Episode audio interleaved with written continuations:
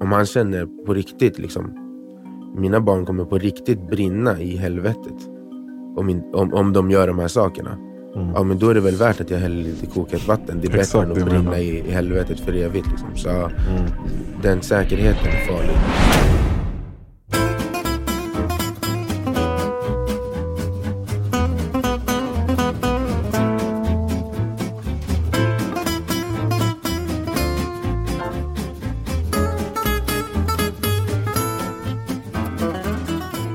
Hej Marvin, Hej Madi. Hur mår du? jag mår bra. Jag tror vi ska börja med att be om ursäkt, eller hur? Ja, ja faktiskt. Vi, vi, vi har varit borta. Ja, vi missade ju förra veckan. Fan. Det var första gången. Sorry. Sorry alla lyssnare. Nej, men jag saknade det faktiskt. Det, det kändes som att det saknades någonting. Absolut, men man har vant sig vid det här nu.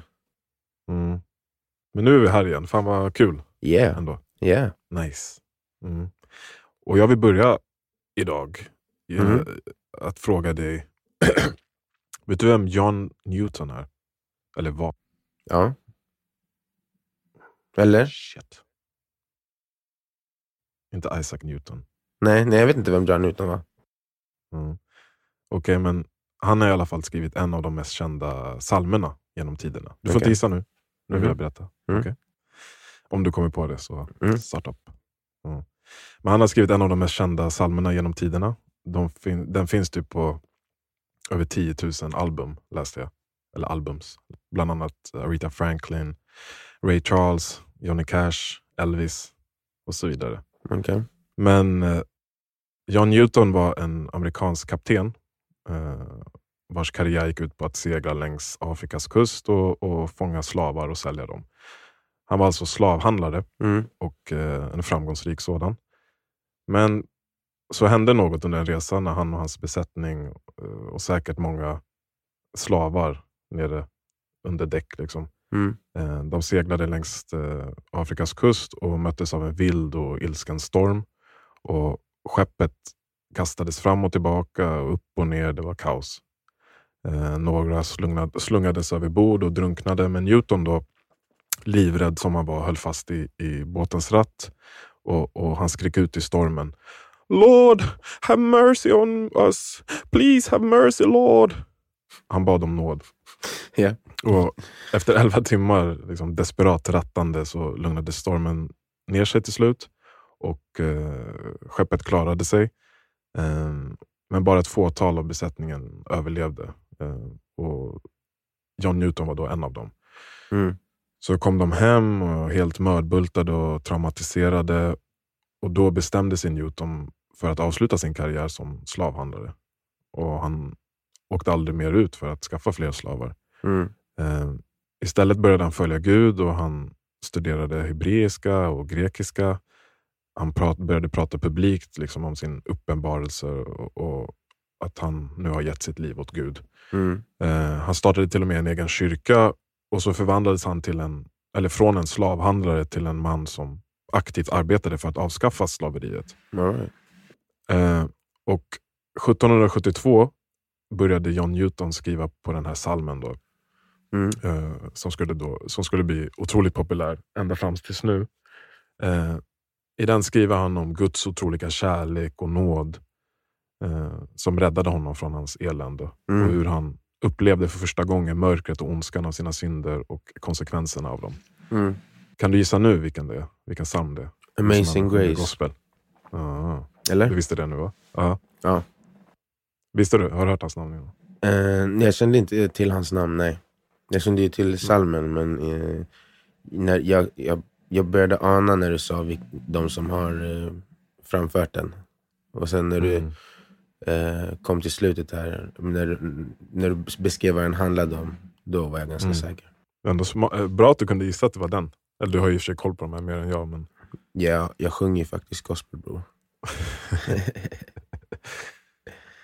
det, det, var, det var nästan alltså lite pulspåslag för att jag kände att jag måste kunna. Kan inte du läsa upp den då?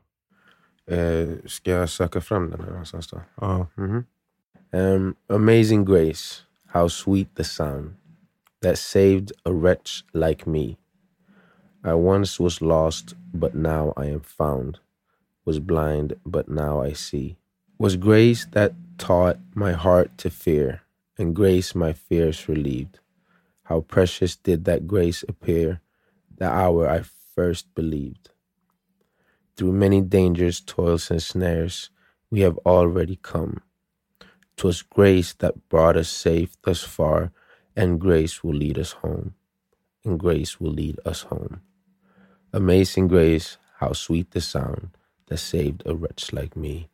I once was lost, but now I'm found. Was blind, but now I see. Was blind, but now I see. Mm. Fan, jag borde bättre sjunga den istället. det var en tabbe av mig. nästa gång.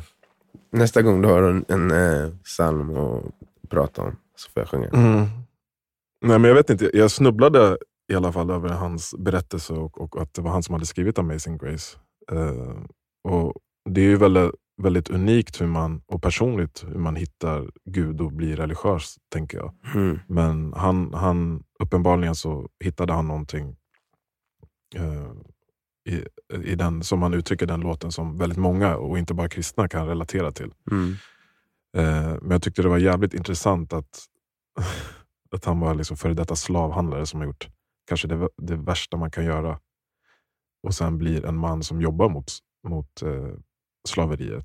Mm. Och alltså om, vi, om vi kan en sekund ta för givet att det Newton säger är sant, alltså att det, var, det som hände var Guds sätt att kommunicera med honom direkt. Alltså att Gud kommunicerade med honom och hittade honom och räddade honom och gjorde att han kunde se sina eh, synder och allt det där. Mm. Men om, jag, om vi tänker att det är så, så tänker jag istället att Gud försökte kommunicera genom Newton för slavarna. Och att den här låten i slutändan är liksom slavarnas låt. Det är deras melodier, deras röster. Och det är de melodierna och rösterna som Newton har hört så många gånger under sin karriär som slavhandlare. Mm. Liksom när slavarna sjunger där nere under däck och det ekar i hela båten. Och, och även om inte han var kapabel att ha empati för dem så hörde han ju ändå det här. Mm. Liksom för de här sångerna kom från människor som befann sig på liksom den mest hemska platsen man kan, en människa kan befinna sig på. Och ändå sjöng de. Liksom de sjöng på riktigt sånger i helvetet. För alltså, vad, gör, vad gör det med en människa, medvetet eller omedvetet, att se andra människor lida så pass? Men ändå vara kapabla att uttrycka liksom, kanske det vackraste och mest kreativa vi människor kan uttrycka. Alltså musik och sång. Och Mm. fram till, till stormen då så var som sagt John Newton inte kapabel att ha empati för dem. Han kunde inte se hur hemsk han var. Liksom. Mm. Eh, utan Gud var tvungen att skrämma livet ur honom. Mm. Eh, men och efter det så började han prata för slavarna. Istället för att sälja, den så ble, sälja dem så blev han deras röst mot slaveriet. Och jag tänker att Mm. den här låten han skrev då inspirerades just från slavarnas sånger. Mm. Jag vet inte, har du sett Roots? Serien Roots? Ja, ja. Har, du sett, har du sett den nya serien Roots? Den nya, Det- the remake? Nej, inte den nya. Nej, inte den nya. Nej. Det är kul att du, att du tog upp Roots, för jag, jag, jag tänkte också ta upp Roots idag. Aha. Ja, men i alla fall, där, där får man ju se väldigt tydligt hur afrikanernas liksom, kultur och musik och sång får, eller utvecklas eh, med slaveriet och när de kommer till Amerika och står på liksom, bomullsfälten och sjunger. Först på sina egna språk Mm. och sen börjar de sjunga på engelska. Och Det är samma melodier, bara ett helt annat språk. Mm. Eh, Så jag, jag fick den känslan här att det kanske så, var- så det gick till. att För Newton känns det såklart att Gud hittade honom och han blev Mm. uppenbarad. Men det kanske var Guds sätt att liksom, kommunicera slavarnas röst. Jag vet inte, det är kanske bara Jag jag, som vill förminska han, att det är han som har skrivit det för att han är före detta slavhandlare. Um, alltså jag menar, sättet du berättar det där på så får man ju en bild av att han... Det, det blir väldigt förståeligt att han skulle kunna ha skrivit någonting så vackert med de ingredienserna. Liksom. Mm, Hans egen, eget dåliga samvete, mm, sorg, um, men även och empati, medkänsla och typ hopp, fast också inget hopp. mm. Um, Så absolut. Men samtidigt kan det också bara varit han som gick upp en dag och bara, jag ska skriva en låt. så oavsett, oavsett om han medvetet liksom har hört Mm. någonting så lär han ju ha blivit väldigt eh, påverkad av sin tid kring dem han ägde. Han har ju garanterat hört dem sjungas. Om han är slav. Alltså hört, hört melodin? Eller hört, ja, nej, hört sjunga? slavarna. Ja. Ja, ja, ja, definitivt. Mm. Mm. Det är ganska fascinerande hur mycket av modern musik som kommer från den källan. Den, Mm. Men det är det som är så svårt med religion, för ibland känns det som att liksom, det utövas egodrivet på något sätt. Och ibland mm, empatiskt. mm, Och, eh, verkligen. Så jag börjar tänka på det, det här bland annat, liksom allt paradoxalt med, med religion och tro generellt. Eh, när vi läste förra veckans bok Lila hibiskus Mm. av eh, Shimanda Ngozi Adichie. Det säger man? Mm. Adichie? Ja. Mm. Eh, Det här med hur svårt religion och tro är och hur bra det kan vara men också hur dåligt det kan vara. Mm. Eh, och hur människor med starkast tro kan göra de mest vackra saker. Och, men att de också kan göra de mest hemska saker. Mm. Och i boken Lilla hibiskus skildras det bland annat väldigt bra tycker jag. Verkligen.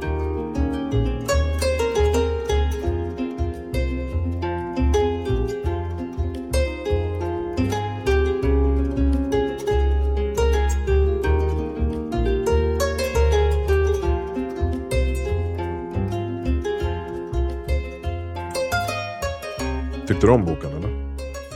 Väldigt mycket. Ja. Ehm, den, jag, jag tyckte att den påminde mig om en bok som jag har, eh, vars tit, titel jag har tatuerad på mina revben Mm. som en del av ett längre citat. Eh, Things fall apart. Mm. Ehm, den, hela den här frågan är någonting som har varit väldigt centralt i mitt liv skulle jag säga. Berätta lite vad boken handlar om. Boken handlar ju om en familj. Eh, huvudkaraktären är dottern. Vad heter hon nu igen? Hon heter Kambili. Kambili. Just det. Kambili. Och eh, hennes pappa är en framgångsrik eh, företagare, väldigt kristen katolik. Mm. Ehm, väldigt respekterad i byn där de är ifrån. Mm. Eh, och ja, han är nästan som eh, en gud där. De, han är liksom nästan avdyrkad. Och han är också en eh, misshandlare. En kvinnomisshandlare, en barnmisshandlare. En väldigt våldsam, nästan sadistisk människa känns det som i vissa delar av boken. Mm. Ehm, och han har alltid um, kristendomen eller Guds ord som uh, ursäkt till varför han behöver göra sina våldsverk. Just det. Bo- det är väldigt mycket... Han dominerar ju egentligen helt och hållet huvudkaraktären Kabilis psyke. Så att allt hon gör är ju nästan i relation till vad kommer pappa tycka. Um, och det var väldigt, uh, väldigt frustrerande att läsa från hennes perspektiv. Alltså, jag förstår ju väldigt hur, hur, man, hur man blir så när man blir uppfostrad av en sån man. Ehm, men man vill ju liksom bara skrika bryt dig ur ditt skal och typ spring därifrån eller någonting. Medan hon, han, gör, han kan liksom slå ihjäl, halvt ihjäl halva familjen och hon vill fortfarande bara ha hans bekräftelse. Ja, men det är det här äckliga att han manipulerar hela familjen Mm. med liksom så glimtar av kärlek. Mm. Och att, precis som du sa, att han alltid kan luta sig tillbaka på tron och kristendomen. Att Mm. det är därför jag gör det, jag måste göra det för att det är det enda rätta. Liksom. Mm. Eh. Exakt. Det, sen så är det ju... ehm, en annan del i ekvationen är hans pappa då, som bor Mm. i en annan by, och hans syster och hennes familj. Um, som Kambili får, ef- efter ett tag får gå och hälsa på med hennes bror. bror. Och det visar henne en ny värld och ehm, andra sätt att tänka på. Hon är liksom så indoktrinerad i hennes pappas eh, typ av eh, kristendom. ehm, att hon inte ens förstår att de här andra sätten att se på saker finns. Nej. så det blir en väldig, ett väldigt paradigmskifte för henne när hon åker dit. Och där, där, när hon ser då hur hennes kusiner är, hur hennes eh, faster är och hur hennes farfar är, så börjar hon ställa sig själv massa frågor. Och det är ju den konflikten där mellan den, det, det hon fått lära sig från hennes katolska pappa, som var uppfostrad i, i, i största del av präster som kom från England. Mm. Um, och uh, det i kontrast till hennes farfar och fasters, eller mest farfars tro då, som är den gamla tron. Mm. Och sen fastern som är någon slags hybrid mittemellan. För hon verkar ha en fot kvar i det gamla och en fot i det nya. För att hon, hon, men de gör ju, hon ber ju där också, bara inte lika länge. Och hon mm. ber till den kristna guden, bara inte lika länge. Mm. Men hon är också med på de gamla festivalerna. Mm. Uh, och, och, har ingenting emot att ta del av de gamla sederna som fanns innan de blev koloniserade. Um, ja, och det tyckte det var väldigt intressant. För att ja, men du, du och jag har ju pratat med det väldigt mycket genom åren. Um, och Man blir ju ställd inför den frågan typ per automatik. Om man, är, om man har bakgrund som vi har. Där mm. en, en, del av det är västafrikanskt och en del av det är skandinaviskt. Och så, I boken är det brittiskt, men det är samma... Jag skulle inte säga kanske klyfta, konflikt kanske. i vårt fall, men ja, klyfta. Ja, precis. Och, um, man blir ju jag, i min uppfattning i alla fall, för mig själv, så har det varit så att jag, det är nästan så att man har satts i, i en helt annan position än de flesta andra. Där, där man ser på de här sakerna lite mer utifrån. I och med att man inte är med helt och hållet i någon kultur. Alltså man är ju egentligen med helt och hållet, men det, det känns inte riktigt som man alltid räknas in mm. i någon av kulturerna helt och mm. hållet. Mm. Till, alltså fullständigt. Och därför så, eftersom man inte blir helt inne i någon av dem så känner man sig lite mer distanserad och ser... Um, jag, jag, jag, känner att man kanske ser det lite mer objektivt. Möjligtvis. Lite, I alla fall, inte, det är subjektivt för att det är min point of view, men min är mindre knuten till någon av de två skulle jag säga. Bara för att man inte har blivit ja, men, lika eh, omfamnad av någon av dem som kanske man skulle varit om man bara hade en kultur man kommer ifrån. Mm. Eller ja, har bakgrund i. Ja, men det, han är minst sagt en hemsk människa. Och mm. Det jag tänkte på är, alltså det är bara en sjuk människa som kan bete sig som han gjorde, eller gör eller gjorde. Även mm. om han liksom skyller på religionen, att uh, en religiös person ska bete sig så här. Uh, och Han hade väl förmodligen blivit så och gjort de grejerna oavsett vilken väg han liksom valde i livet. Men, uh, ja, men nu var det ändå religionen, kristendomen. Mm. Som triggade fram eh, vad ska man säga, psykopaten i honom. Eh, om, vi, om vi går tillbaka till John Newton. Det var här jag såg någon form av koppling eller intressant motsats. Så för att Det känns som att John Newtons omvandling är eh, motsatsen till pappan i boken. Om du tänker att Alltså jag vet inte när pappan blev kristen, eller hur. det framgår inte riktigt liksom när och hur det gick till. Men i, i hans fall så blev ju religionen, det triggade hans demoner. Liksom alla, eller det, i alla fall triggade hans dem, demoniska handlingar. Och i Newtons fall var det ju tvärtom. Han var en demon redan, han var en slavhandlare.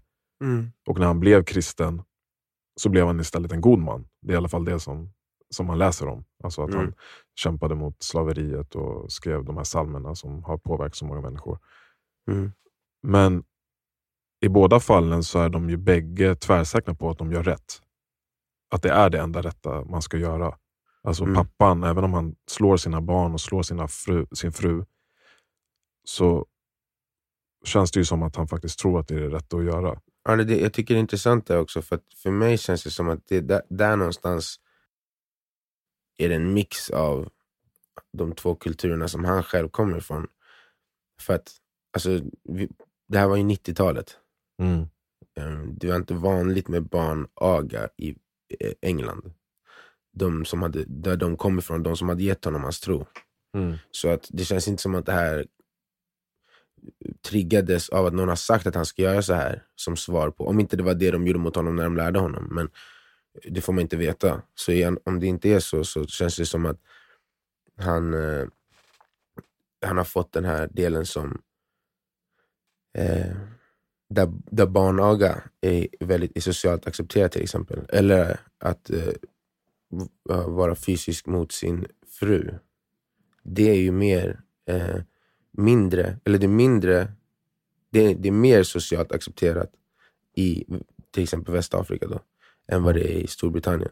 Så det känns som att det är tron på ett sätt som triggar det, men det är en annan del där också som gör att det ens finns på kartan lika mycket. För att folk runt omkring vet ju om det och ingenting ja, händer. Absolut. Men det jag menar är att religionen förstärkte det. Alltså jag menar, att aga ett barn, ge den en lavett när de eh, har eh, fan vet jag, busat. Mm. Eh, det, kan, det kan hända i Afrika säger vi. Mm. Men att hälla kokhett vatten på någons fötter för att de har gått i fel persons hus. Det är ju inte att aga. Det är ju... Ja men precis, men det är det jag tänker, att är det då kristendomen? Alltså, det är bara, I hans fall var det, det bara, Jag tänker att det är bara ursäkten. Alltså, han skulle gjort det där om han, vad han än trodde på. Ja, det var exakt det jag sa. Alltså, vilken väg han, men nu var det kristendomen. Alltså, vilken väg han hade. Han var en sån person. Men jag menar bara att det är intressant att se, för Newt, i Newtons fall, som jag sa, blev han en väldigt god människa. Han gick från en demon till en god människa.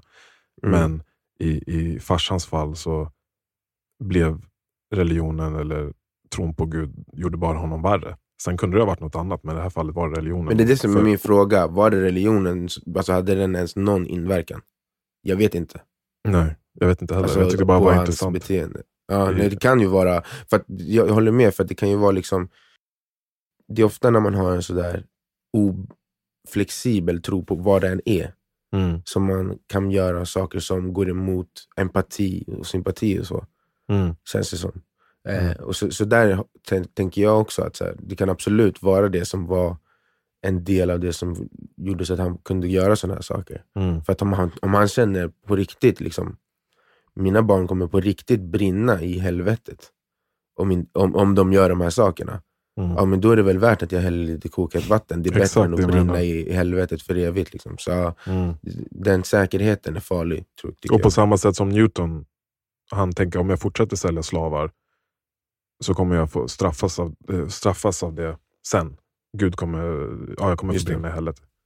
Så det är bara roligt hur, men jag tror inte att han det framgår inte i alla fall att han hällde kokande vatten på någon som tyckte som han. Liksom.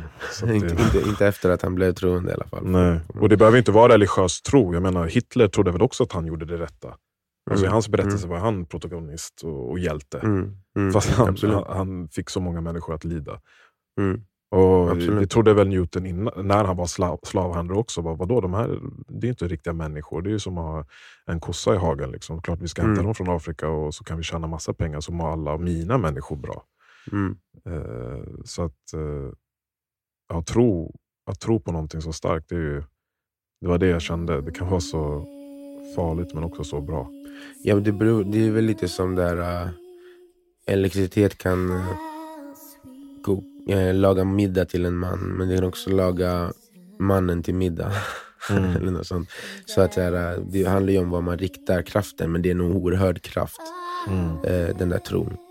För, eh, det, det, har ju vi varit inne på förut, men alltså att tro på vad man gör, både i makroperspektiv och mikroperspektiv, så är det, det är bland de starkaste krafterna som finns på den här planeten. Alltså. Mm. Tänk, tänk, tänk dig bara vilken skillnad det är att försöka presterar, vad det än är, när du känner dig ditt mest självsäkra och ditt mest osäkra. Det är, det är en sån otrolig skillnad på vilken människa du kommer vara i stunden av prestation. Mm. Om, om, man då har den tron och, och den är fel placerad, då är det ju väldigt farligt.